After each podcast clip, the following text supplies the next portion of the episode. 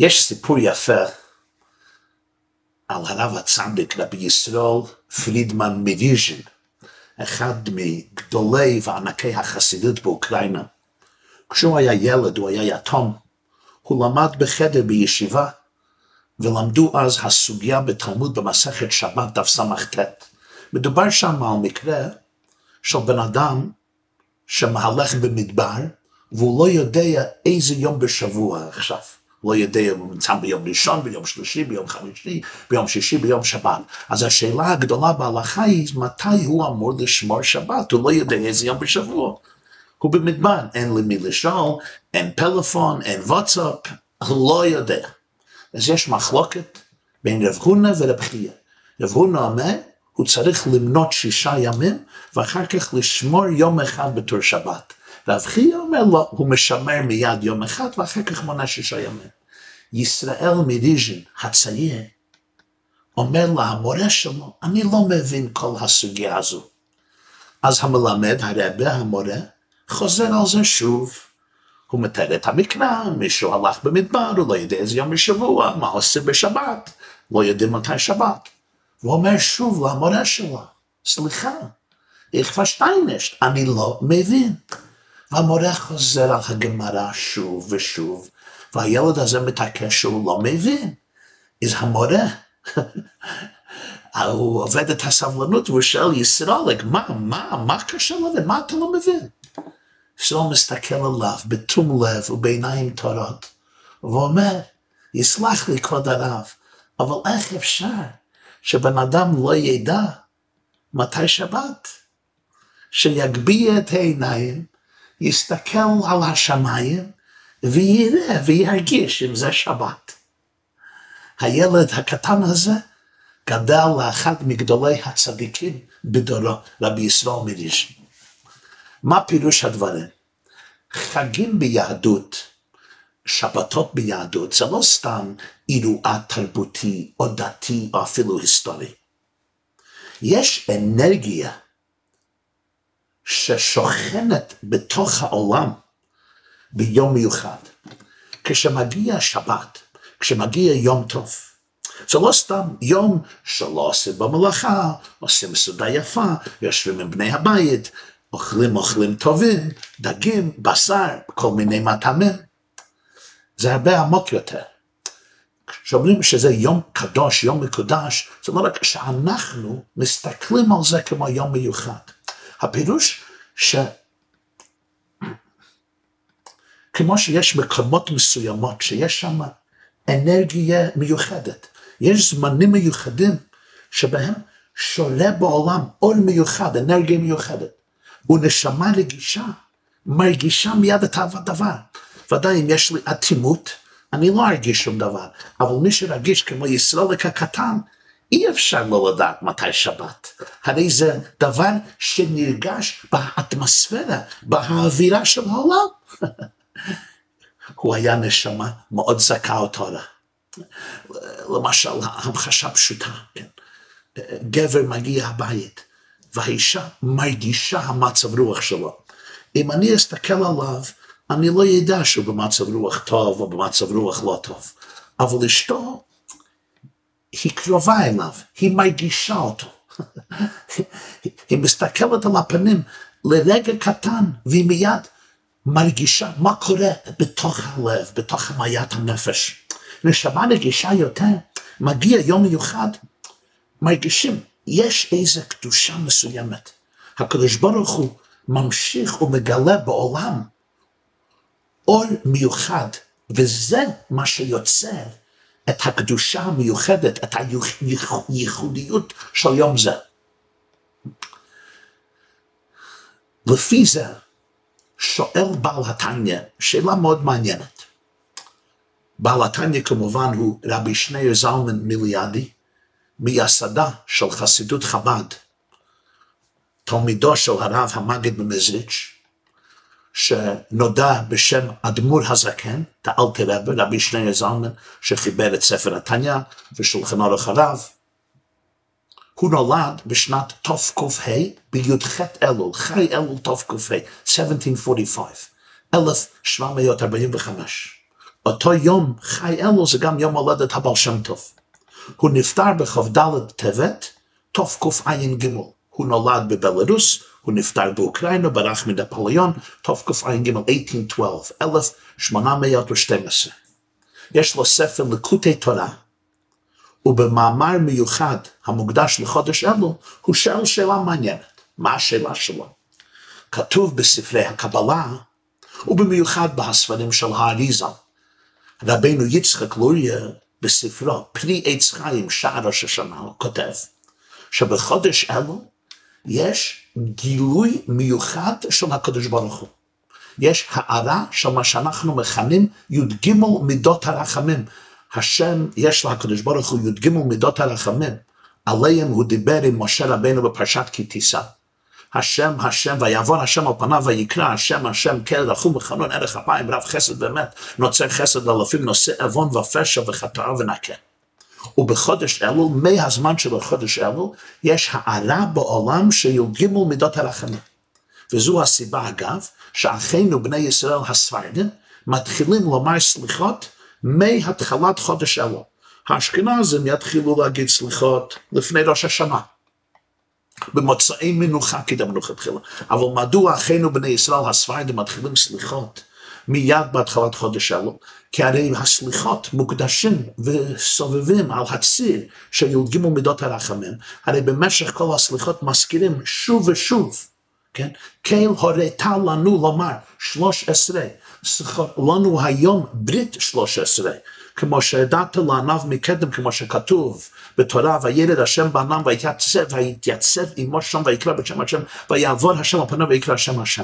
כיוון שמראש חודש אלו מתחיל, לה, מתחילות להעיר י"ג 13 מידות הרחמים, לכן הספרדים מתחילים סליחות בראש חודש אלו. לפי זה, שאל בעל התניא, אני לא מבין. אם זה באמת נכון ואותנטי, שמראש חודש אלו יש אור התגלות מיוחד של אלוקים, של הקדוש ברוך הוא, של אלוקות בעולם, התגלות י"ג מדות הרחמים, וזה באמת מה שמייחד את החודש הזה מכל שאר חדשי השנה.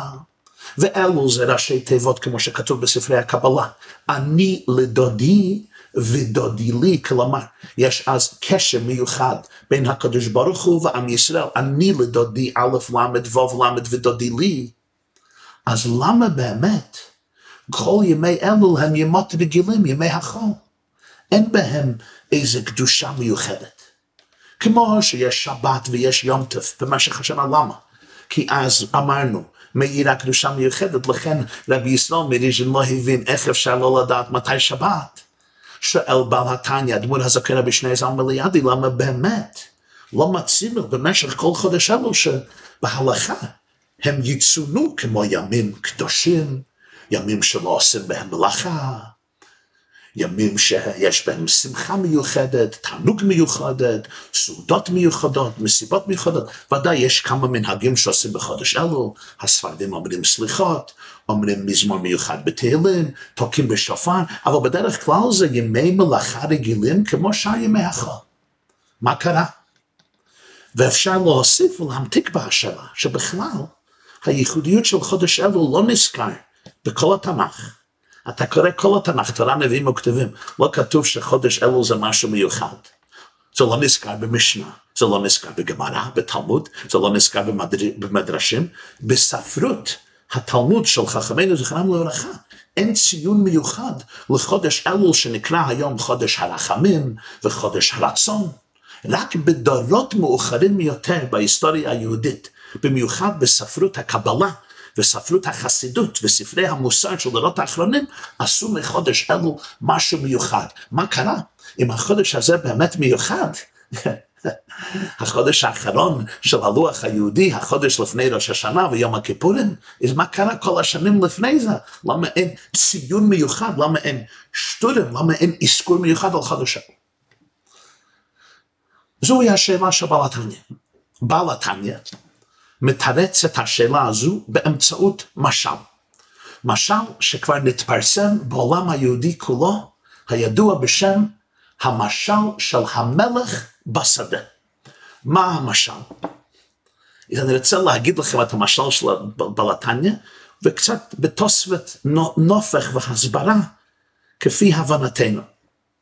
ופה צריך להבין, פשוט רקע היסטורי, בעל התניא חי במדינה ובתקופה שהמלכים, מה שקוראים הצארים, הצארים המלכים של רוסיה, משלו בכל התוקף. בעל התניא חי ונולד ברוסיה הלבנה, White Russia, וייס רוסלנד, קראו ביידיש, היום קוראים לזה בלרוס. הוא נולד וגדל בעיר, בעיירה, שנקראת ליוז'נה, ובמשך שניו בתור תלמיד של הרב המגיד או מנהיג ביהדות רוסיה הלבנה וליטא, הוא היה תחת המרות המלוכה של המלכה אליזבת, פיטר, פיטר השלישי, פיטר the third, שנרצח, אחר כך Catherine the great, קתרין הגדולה, ואחר כך פאבל, פאוול, פאבל הראשון, שבאמת בתקופתו, כשהוא היה המלך על רוסיה הצאר, נאמר המאמר הזה של בעל. המאמר הזה שאני מצטט, זה מאמר חסידות שאמר בעל התניא, שמתחיל עם המילים, אני לדודי ודודי, ודודי לי ראשי תיבות אלו. המאמר הזה נאמר בשנת תקנ"ז, בחודש אלו תקנ"ז, 1797. 1797, 1797. הצאר, המלך של רוסיה בזמן ההוא, היה פאבל, פאוול the first, פאבל 1. באמת, שנתיים אחר כך, הוא שחרר, הוא שחרר את בלתניה. בלתניה ישב במאסר, היה מאסר קשה, הוא נחשד כביכול שהוא מורד במלכות. היה אפילו חשש שחלילה חלילה יהרגו אותו, וסוף סוף הצאר פאבל שחרר אותו. הפאבל הזה נרצח כמה שנים אחר כך בשנת תקס"א, 1801, 1801. מילא את מקומו הבן אלכסנדר the אלכסנדר הראשון, שהיה באמת נאהב ומכובד מאוד. אחר כך, בתקפ"ה, 1825, 1825, מילא את מקומו ניקולאי, ניקולס, ניקולאי הראשון, שהיה שונא ישראל אמיתי ומובהק, הוא זה שיצר את הגזירה המחפירה והטרגית של הקונטגניסטים. אבל זה לא, אין כאן המקום להעריך בזה. אני רק נותן קצת רקע היסטורי. אנחנו לא חיים היום בתקופה של, של, של זוהר, זה מלאכים, פוטין רוצה להיות שר, אבל בדרך כלל היום זה עידן, עידן אחר. אבל צריך להבין שכשבלתניה אומר מאמר זה ב-1797, 1797, is, is עניין המלוכה זה לא סתם משל איזה מופשט ככה מפלנטה אחרת. עם ישראל, כמו כל העמים, כמו כל הדברים, חיים תחת מלוכות אדירות, אם זה ברוסיה, או זה בצרפת, או זה בגרמניה, זה באוסטריה, או במדינות אחרות, באירופה וכדומה. מה המשל של בלתניה? אז הוא אומר לנו, יש שני מצבים של מלך. יש מלך כפי שהוא נמצא בהיכל מלכותו, בתוך ארמון המלך, ואז הוא נמצא שם בכל ההוד וההדר והמלכותיות והאצילות שלו. ואז אי אפשר סתם לכולם להיכנס לארמון המלך, לחדר המלך. צריך פרוטקציה, צריך הרבה קשרים. אפילו אם יש לך קשרים, אתה צריך להזמין טור, אולי תצטרך להמתין כמה ימים, כמה שבועות, כמה חדשים, ואולי כמה שנים. ואפילו אז לא יודעים אם ייתנו לך רשות להיכנס. לא כל אחד יכול להיכנס. שרים נכנסים, יועצים נכנסים, הנסיך נכנס, בני משפחה קרובים נכנסים, אלה שמנהיגים את הממשלה, את המלוכה נכנסים, ואלה שהם מקורבים למלכות, הם גדולים, הם עמידים, הם אצילים, הם עשירים, אולי אם יש לי איזה פרוטקציה, איזה קשר, אולי גם אני אוכל להיכנס, אבל זה לא פרוצדורה קלה, זה, זה קשה. בכל המדינות האלה, אני חושב שלפעמים רוב התושבים אפילו לא ראו את המלך. אולי פעם בחיים ראו את המלך והיו מדברים על זה שנים הרבות, חלחלה או פחד היה נרגשת בעצמותיהם כשדיברו על המלך שלהם. אפילו אם קיבלת טור וקיבלת הזמנה ואתה יכול להיכנס, אז עושים לך בדיקה, זה לא, זה לא פשוט. אתה צריך לעבור דרך חיילים מזוינים ושומרים, להיכנס לתוך דלת זו, אחר כך לדלת זו, למחדר, זה לאכול, זה מקיטון, זה לפרוזדור, זה עד שזכית להיכנס לתוך החדר הפרטי של כבוד הדר מלכותו בכבודו בעצמו, His Majesty. ואם אתה כבר לא אם אתה כבר נכנס, אתה לא סתם ככה מתגלגל מהמיטה שלך לתוך ארמון המלך. אתה, אתה, אתה מתרחץ, אתה מכין את עצמך, אתה יודע בדיוק מה תגיד, אתה לומד מה הם גינוני ונימוסי המלוכה, מה כן עושים, מה לא, מה לא עושים. אני זוכר אפילו כשנכנסתי לפני כמה שנים לבית הלבן, אה, לפגוש אה, שרי המדינה, אז תדרכו אותי, כן, מה אומרים, איך נכנסים, איפה יושבים, איפה לא יושבים. זה, זה, אפילו זה אפילו באמריקה, שמקום של, של דמוקרטיה בלי מלאכים. אתה לא נכנס ככה בבגדים של עיקר, בחווה, בבגדים של אה, פיג'מאס, זה תהיה בושה וחרפה. מלידה בבלכות אתה מתרחץ יפה, אתה מתלבש יפה, וככה אתה נכנס למלך עם, עם, כבוד, עם הדר. זה תקופה אחת. אחר כך יש, הבלתניה אומר, יש זמנים, זמנים מאוד מיוחדים, שהמלך הולך לשדה. זה המשל, המלך בשדה. המלך מזמן לזמן רוצה ללכת לתוך השדה, לפגוש מי? לפגוש את כל העם. ואז המלך מסתובב בשדה בלי כל השומרים, בלי כל החיילים, בלי כל ה... המשמש... המשמשים והגבאים והקולות והמולות, ואז אין צריך טור, לא צריך פרוטקציה, כל מי שרוצה מהבלתן יכול להגביל פניו, יכול לדבר אליו, אתה יכול לבקש כל מה שאתה רוצה, יכול לדבר על הכל, המלך מקבל את כולם, כותב בלתניה, בסבר פנים יפות ומראה פנים שחקות לכולם. לא צריך להמתין ימים, שבועות, שנים, לא צריך שנים, לא צריך לעבור שמירות ובדיקות וחקירות. כל מי שרוצה, אנשים, נשים, קטנים, קטנות, צעירים, צעירות, מכל הגילים ומכל ה, מכל ה, הסוג של בני המדינה.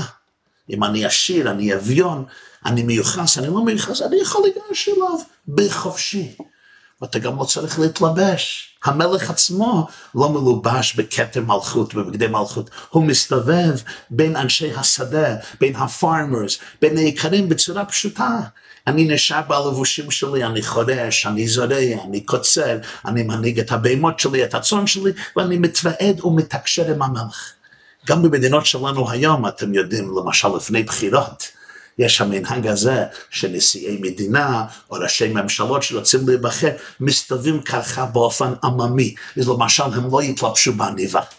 הם לא יתלבשו, למה? למה לא יתלבשו? כי הם רוצים להפגין אני, אני אחד העם, אני חלק, אני חלק מהעם, אני עממי, בתוך עמי אנוכי יושבת, אני כמו איש פשוט, הם מסתובבים כך, ואחרי שהוא נבחר לנשיא המדינה כבר אי אפשר לדבר אליו, כבר אי אפשר להיכנס אליו, אתה צריך כל כך פרוטקציה, אבל לפני זה, כשהוא צריך אותך, הוא רוצה את הבחירה שלך, לפני שהוא נעשה הנשיא, ה president או ראש הממשלה, אז הוא מסתובב בחופשיות ועונה לכולם כאילו הוא חבר הכי טוב שלך. אני עכשיו לא מדבר אם זה אותנטי או זה לא אותנטי, אני רק ממחיש שהמשל הזה של בלתניה אנחנו מבינים גם בדורתנו אלה, וכמה שזה קצת בצורה, בצורה שונה. מה הנמשל? זה המשל. מה הנמשל? הנמשל הוא, יש שני סוגי יחסים של האדם עם בורא העולם, עם הקדוש ברוך.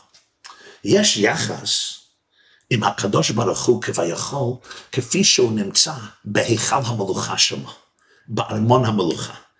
בכל גדולתו ותפארתו, גדול השם ומהולל מאוד ולגדולתו אין חקר, מלכותך מלכות כל עמים. ואני צריך באמת להכין את עצמי. אני צריך אה, אומר שמה, רק יחידי סגולה יכולים להיכנס. אני צריך להיות אחד מהיחידי סגולה, אני צריך להכין את עצמי, אני צריך להעלות את עצמי.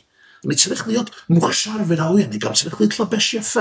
אני עכשיו לא מדבר מבחינה פיזית, אני מדבר משל רוחני. אני צריך להפשיט את עצמי, מבגדי חול, כן? פשטתי את כותנתי, איך אכל בשנה, רחצתי את רגלי, איך התנפה. פעם שמעו, היה, היה במוצאי שבת, אז בעלתניה ישב בחדרו ושמעו אותו מנגן. פשטתי את כותנתי, אני הפשטתי את הכותונת של ימי החול, הלבשתי את הכותונת של שבת, איך אכל בשנה, רחצתי את רגליי, אני רחצתי את הרגליים לכבוד שבת, התעליתי, איך אכל תנפים, היה קשה עבורו לרד, לרד מהחול. ומהשבת אני מפשיט את עצמי בבגדי חול, וזה העניין של שבת ויום טוב. למה באמת שבת אסורה במלאכה? למה? למה יום אסור במלאכה? לא מדובר על מלאכת אוכל נפש, מותר לבשל אוכל ביום טוב, אבל רוב המלאכות לא עושים ביום טוב, למה? כי אז כביכול נכנסים להיכל המלוכה. ואז אני באמת צריך להפשיט את עצמי מהלבושים הרגילים, מהעיסוקים הרגילים. רק ככה אני יכול לתקשר עם המלך, רק ככה אני יכול לתקשר עם האנרגיה המיוחדת של שבת ויום טוב, ששורדת קדושה מיוחדת בעולם, וכדי להיות כלי, להיות פתוח לאווירה הזו, לה, ליחס הזה, לקשר הזה. אני לא יכול להיות בתוך המשרד, אני לא יכול לשב על הקומפיוטר שלי, אני לא יכול לשב על הטלפון שלי. אני לא יכול לשב בשדה ולעשות את העבודות הרגילות. אני צריך להפשיט את עצמי מהעיסוקים הרגילים ולפתוח את עצמי לאור הנעלה והנשגב והנאצל והמלכותי של שבת ויום טוב. אבל חודש אלול אומר לנו בלתניה, מסמל יחס אחר לגמרי בין היהודי ובורו, בין היהודי והקדוש ברוך הוא. המלך כביכול הוא בשדה. מה פירושו בשדה? הוא רוצה לתת הזדמנות שכל אחד באשר הוא שם, יהיה מי שיהיה, באיזה מצב, באיזה מצב פיזי, באיזה מצב רוחני, באיזה מצב רגשי ונפשי, יכול לגש ולדבר עם מלך מלכי המלכים הקדוש ברוך הוא בגובה עיניים, דוגרי, יד על הלב ואין מחסומים. אין שום מחסום, אתה כן, אתה לא, אתה לא לבוש יפה, אתה לא הכנת את עצמך יפה.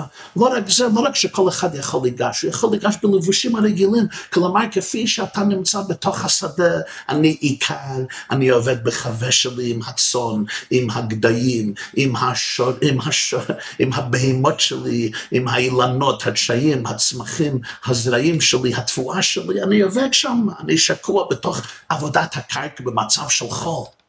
המלך שמה, הוא נמצא שמה. הוא אומר, בוא, נדבר, נתוועד. הוא מקבל אותי בסבב פנים יפות, מראה לי פנים שחקות. על פי זה מסביר בעל התניא למה אלו לא נקבע, למה חודש אלו לא נקבע לימי של יום טוב. ימים נשגבים ונעלים, אולי נעבוד פחות, נשב יותר להתפלל, לעשות סעודות גדולות. כי בשבת ויום טוב רגילה במשך השנה. האור שמאיר בעולם זה באמת אור נעלה יותר, מלך ביפיות תחזן עינך. אבל האור המיוחד של אלול, ששם אז יש אור קדושה מיוחדת, מלובש כביכול בתוך בגדי חול. לכן מהשיעור הזה אני גם uh, הסרתי את, ה, את, החליפה, את החליפה שלי כדי להמחיש את העניין. האור של הקדוש ברוך הוא מלובש, המלך לבוש בבגדי חול, הוא לא לובש את הכתר מלכות, הוא לא משרה את הרגש הזה של התעלות, של, של הפלאה, של וואו, וואו, וואו. יש עממיות, יש פשיטות. הקשר הוא כפי, הקשר הוא איתך כפי שאתה נמצא בחיי יום יום. אם ניקח אלו ונעשה מזה יום מיוחד, יום טוב, זה הפך כל, כל התוכן שלנו. כלומר במילים פשוטות, באלול יש אפשריות והזדמנות מיוחדת לתקשר עם אלוקים באמצעות הטבע וההרגלים והחיים יומיומים שלהם, יומיומים. ומה פירוש הדברים? לפעמים הקשרים, נמחיש את זה עם, עם קשרים בין בני אדם. לפעמים תקופות הקשר בין בני אדם זה קשר שאנחנו מרגישים לחץ שצריך להיות מעוצב, צריך להיות יפה. אני יכול לגלות לך את החלקים שבי שהם מאוד מרשימים. למשל, כולם יודעים היום סושיאל מדיה, yeah? יש המון פלטפורמות של טכנולוגיה, של תקשורת, אבל אתה ואני יודעים שהרבה מזה זה שקר וכזב. אנשים משתמשים עם זה, אני לא מכיר את כולם כל כך, אבל, uh, אבל יש פייסבוק ויש טיק טק ויש אינסטגרם ויש טלגרם מסתבר יש המון אחרים שאני לא מודע עליהם, אבל אלה הגדולים, ואנשים משתדלים, אנשים או נשים או צעירים או צעירות משתדלים תמיד להפגין את הצד היפה של החיים שלהם. לוקחים את התמונות הכי מרתקות, הכי מעניינות, כמובן חותכים את התמונה ומסדרים את התמונה שתהיה אטרקטיבית מאוד, וכל החברים שלי והחברות שלי מתים מקינה, וואו, איזה חופש הלכת, וואו, וואו, איזה חוף הים, איזה בית יפה, איזה חיים מעניינים יש לך. אני לא מפרסם על הפלטפורמות האלו, על האתגרים שלי, על התסבוכים שלי, התסבוכים שלי, התסבוכים שלי, מקומות האפלים. מזה לא תמות מקינה, אם אני מגלה את, את הטראומות ואת, ואת, ואת הבעיות הרציניות שיש בי, אני לא רוצה להפגין את זה, אני רוצה להפגין את, את התמונות היפות. לפעמים להבדיל זה גם בדת ככה. אני חושב שכדי לגש אל אלוקים, כן, אני צריך לחתוך חלק ממציאותי. אני לא יכול להכניס לתוך היחס את כל המציאות שלי, את כל ההוויה שלי, את כל הרגישים שלי, את כל הנפש שלי, את כל ההיסטוריה שלי. אה, מישהו אמר פעם, אומר, יש שני סוגי הורים, כן? יש אבא או אימא כזה, אני אוהב לדבר על אבא, יש אבא כזה, הילד עשה משהו ממש שובב, הוא ילד שובב, ועשה משהו ככה באמת לא טוב, ויש לזה השלכות רציניות, יש לו טרובל, יש לו עכשיו בעיות. אז יש ילד כזה שם, אוי ואבוי. אני רק מקווה ומתפלל שלא יוודע לאבא, שאף אחד לא יגיד לאבא שלי מה קרה. זה ילד אחד. וילד שני אומר, וואי, יש לי צרה כזו, אני צריך מיד לצלצל לאבא ולשחח איתו על זה. כן? הלוואי שנזכה להיות אבא כזה, שהילד שלי ירגיש, יש לי בעיה, יש לי תסבוך. אה, אני צריך לדבר עם אבא. לפעמים זה גם בדת ככה. אני מרגיש, לאלוקים אני יכול להיכנס רק בבגדים היפים שלי, בצדדים המוארים שלי, בבגדי שבת, כן? פשטתי את כותנתי של ימי החול, רחצתי את רגליי. אני נכנס להיכל המלוכה. I walk in with my best self, הרמה הכי משופרת וגבוהה שלי. מגיע חודש אלול, אומר בלתניה, השם הקדוש ברוך הוא אומר לו, יהודי, בוא, ניפגש במקום הכי אותנטי שלך. הכי פתוח שלך. אתה לא צריך להתלבש לי באיזשהו אופן. אני רוצה לדעת הכל עליך, שיהיה מלב אל לב, מפנים אל פנים. איך אומרים בחודש אלו, לך אמר ליבי, בקשו פניי, את פניך השם אבקש. פה, הנה הפנים שלי, הנה אני מגלה את הכל, את כל הפנימיות. הקדוש ברוך הוא אומר לך, לא צריך להרשים אותי, אני לא מרשים אותך, אל תרשים אותי. וזה הקשר במובן מסוים זה הקשר הכי עמוק, קשר שבו אני יכול להיות פתוח לגמרי, אני יכול לגלות לך כל מה שעובר עליי, ללא שום מחסומים. מישהו אמר פעם, מה ההגדרה של ידיד? שבנוכחותך אני יכול לחשוב בקול רם. אני יכול לחשוב בקול רם. I could think out loud. זה, זה המסר המיוחד. ימות החול, אני רוצה לראות אותך כמו שאתה בשדה שקוע בעבודת האדמה, אולי יש בוץ, אולי יש תקופה קשה, השמש זורחת, יש שרב, יש חום, או יש מטר, יש קור. ברוך הוא רוצה להסתובב איתך במקומות הכי פשוטים, הכי בסיסיים, הכי ראשונים. אתה יכול לגלות לי את ה-primal emotions, ההרגשים הראשונים שלך. אני רוצה לתקשר עם החוויות הטובות וגם אלה המסובכות. אבל אם זה האמת שלי, אם זה האמת שלך עכשיו, בוא נדבר על זה. ולכן באמת, חודש אלול לא נתגלה בכל הספרים.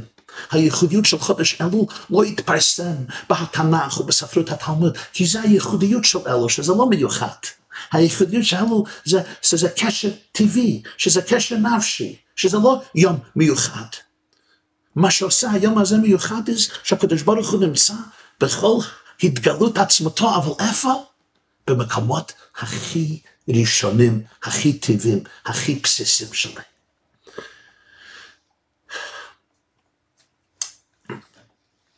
לפני הרבה שנים היה יהודי באנגליה, שמו ברל, ברל גרטנר, והוא דיבר פעם על BBC, BBC זה רדיו וטלוויזיה של אנגליה, חדשות של אנגליה, BBC, והוא דיבר על, על פרוגרם של רדיו BBC, והוא סיפר סיפור מרתק ונפלא, שאני צריך לשתף. אני קראתי על זה, שמעתי על זה לפני המון שנים, ואני רוצה לשתף אתכם מהסיפור הזה. ברל, ברל גרטנר, היה בן 12 לפני פרוץ מלחמת העולם השנייה. הוא נולד בגרמניה, והוא היה אחד מהילדים שניצל, ניצל מהתופת, מעמק הבכה האירופאי של היטלר, יימח שמו, על ידי מה שקראו קינדר טרנספורט.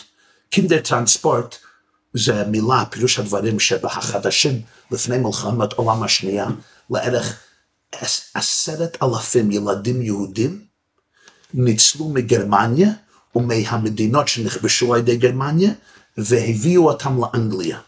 הם נפרדו ונותקו מההורים שלהם מאבא ואמא והם נוצלו באנגליה.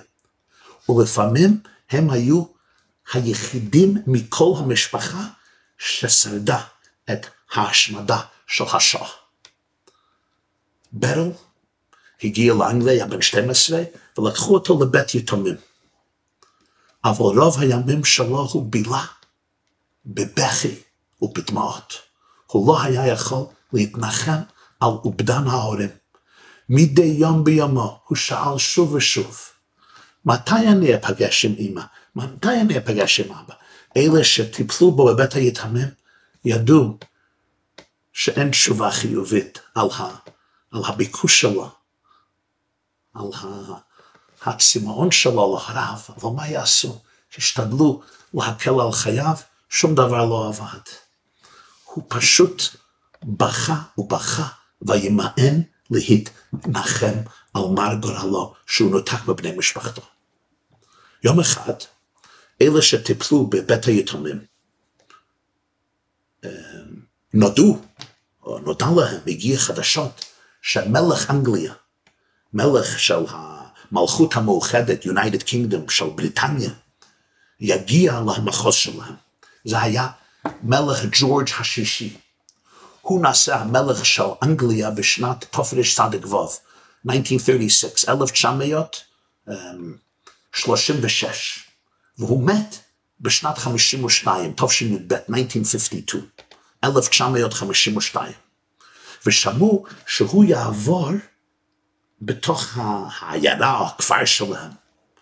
במשך השנים הראשונות של מלכותו הוא היה מבקר הרבה את העיירות ואת הערים ואת הכפרים של ממלכת אנגליה.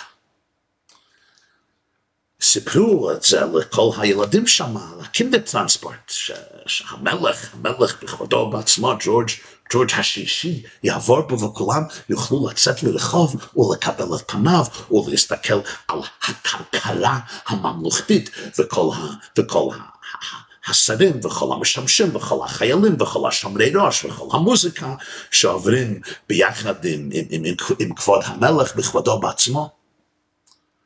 כשסיפרו על זה לברל גרטנר, הוא התחיל לבכות. הוא הפסיק לבכות, סליחה. זו פעם הראשונה ממי שהגיע לאנגליה מגרמניה, שהוא הפסיק לבכות. הוא, uh, הוא תכנן לעצמו איזה סוד, איזה סוד.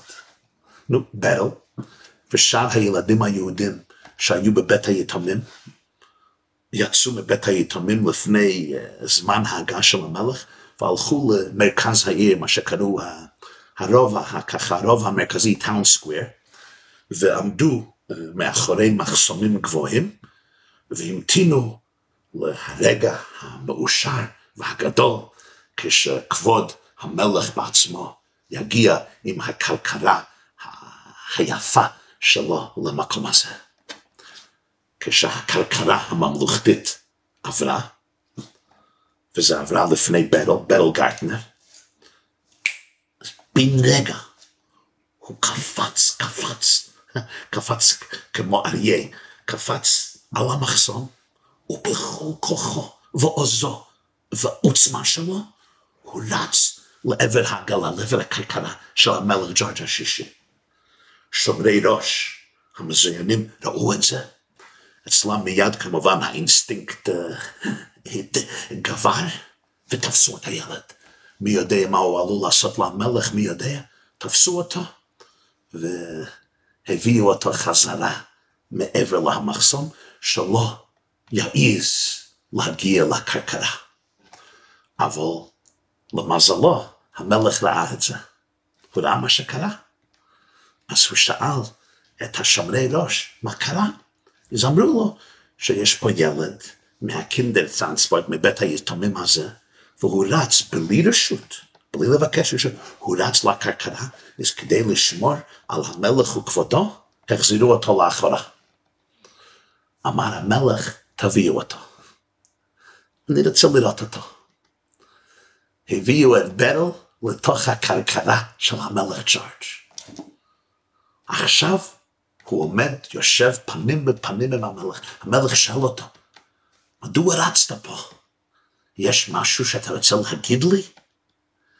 ברל התייפח בבכי, התחיל לבכות ולצרוח במר נפשו. אמר, ניתקו אותי בכוח מאמא ואבא. אמא ואבא עוד נמצאים בגרמניה. אני רוצה להיות איתם. כבוד המלך, אני רצתי לכרכרה שלך להתחנן על נפשי, נע ונע, תחוס עליי, ותביא פה את אבא ואמא, אני לא רוצה להיות מיותם לכל החיים שלי. המלך מסתכל עליו ואומר, ילד מתוק ונחמד, אתה יודע שאנחנו במלחמה עם גרמניה. אין לי קשרים עם גרמניה, אני במלחמה עם גרמניה. זה דבר, אתה מבקש דבר בלתי אפשרי, אני לא יכול להביא את ההורים שלך מגרמניה לאנגליה, אין לנו קשרים דיפלומטיים נורמליים. ברל התחיל לבכות שוב ואמר, אבל אתה המלך, but you're the English monarch, you're the English king, you can do anything, please bring my parents to me. אתה הרי המלך של אנגליה, אתה יכול לעשות כל מה שאתה רוצה, בבקשה. אנא, תביא לי את ההורים שלי. עיניו של המלך ג'ורג' התמלאו בחמלה, והוא אומר לילד המסכן ברל להומר, בבקשה, תפסיק לבכות.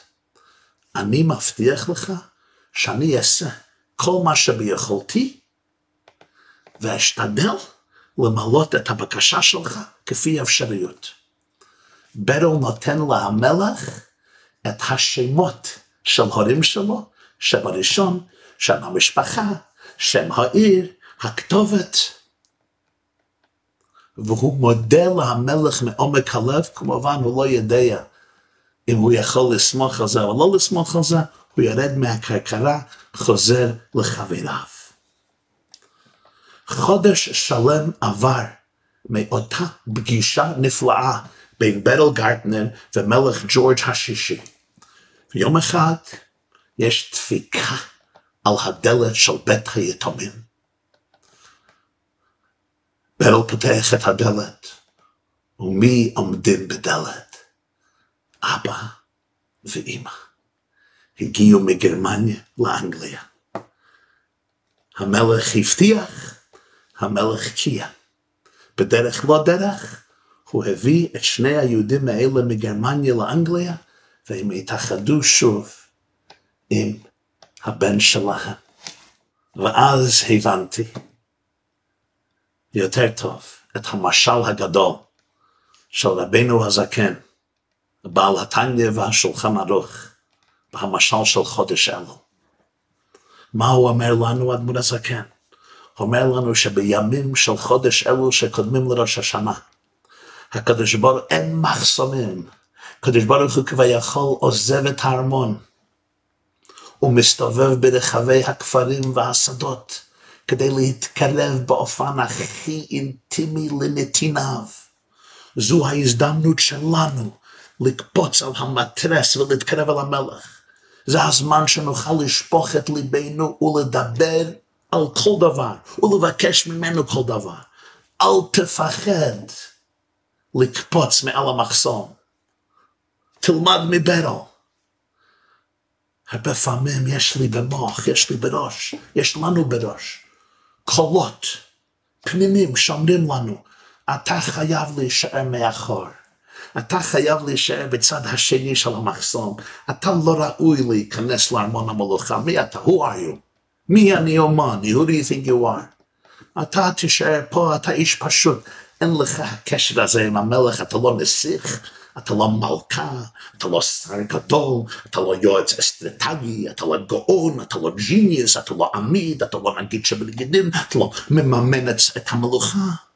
והשומרים מסביב מאשרים את הפחדים האלה. הם מסתכלים עליך בעיניים מפחידות כאלה, אני מדבר על השומרים הפנימיים. אבל אדמו"ר הזקן אומר, כל זה נעמוד בחודש אלו. המלך אומר, זה לא ככה. אני מוכן לחבק אותך. אני מוכן להקשיב לך. תדבר אליי פנים אל פנים עם כל האותנטיות של נשמתך. אין שום מחסום. אין מחסום פיזי, אין מחסום נפשי, אין מחסום רגשי, אין מחסום פסיכולוגי. רוצה לדעת כל מה שקורה איתך, כל הצדדים, כל הנקודות, מכל הזוויות השונות, כל המדרגות, כל השכבות בחייך, מהכי חיצוניים עד הכי פנימיים. אז בחודש אלול הזה, אל תפחד להיות כמו בל. אל תגרוס, אל תראה מחסום, כי אין מחסום. אל תראה שומרים, כי אין שומרים. תקפוץ על העגלה, תשב עם המלך, תחבקו, את, תחבקו אחד את השני, תדבר איתו. כל מה ש... כל מה, ש... כל מה שבליבה, בלב, בלב שלך, תדבר איתו. לך אמר ליבי, בקשו פניי, את פניך, השם מבקש. והוא מקבל אותך בסבר פנים הכי יפות. הוא מראה לך הפנים הכי שוחקות. וכפי ש... שאמרנו פעם מרבי מלובביץ' כשהוא חזר על משל זה, הוא אמר, הפנים שחקות מגיע מזה שהוא פשוט רואה אותך, הוא לא צריך יותר. כמו כשהילד שלך, הפעוט, כן, נכנס לחדר, בן אחד, בן שתיים, אתה חוזר מהעבודה ואתה רואה את הפעוט שלך, והעיניים שלך מתמלאות שמחה וחדווה, יש לך פנים, זאת אומרת, למה? כי הוא יהיה רופא, כי הוא יעשה הרבה כסף, כי הוא יהיה תלמיד חכם גדול, הלוואי, אמן ואמן, אבל עצם הנוכחות שלו ממלא את הלב שלך בגאון ושמחה. עצם הנוכחות של יהודי ממלא כביכול את הלב ואת הפנים של הקדוש ברוך הוא בשמחה גדולה ועצומה. וסוף סוף ימלא את משאלות לבבך לטובה ולברכה בטוב הנדיה והנגלה לשנה טובה ומתוקה. עם כל הברכות, ברכה והצלחה, עד בלי די למטה מעשרה טפחים בתוך כלל ישראל, אמן כן יהי רצון.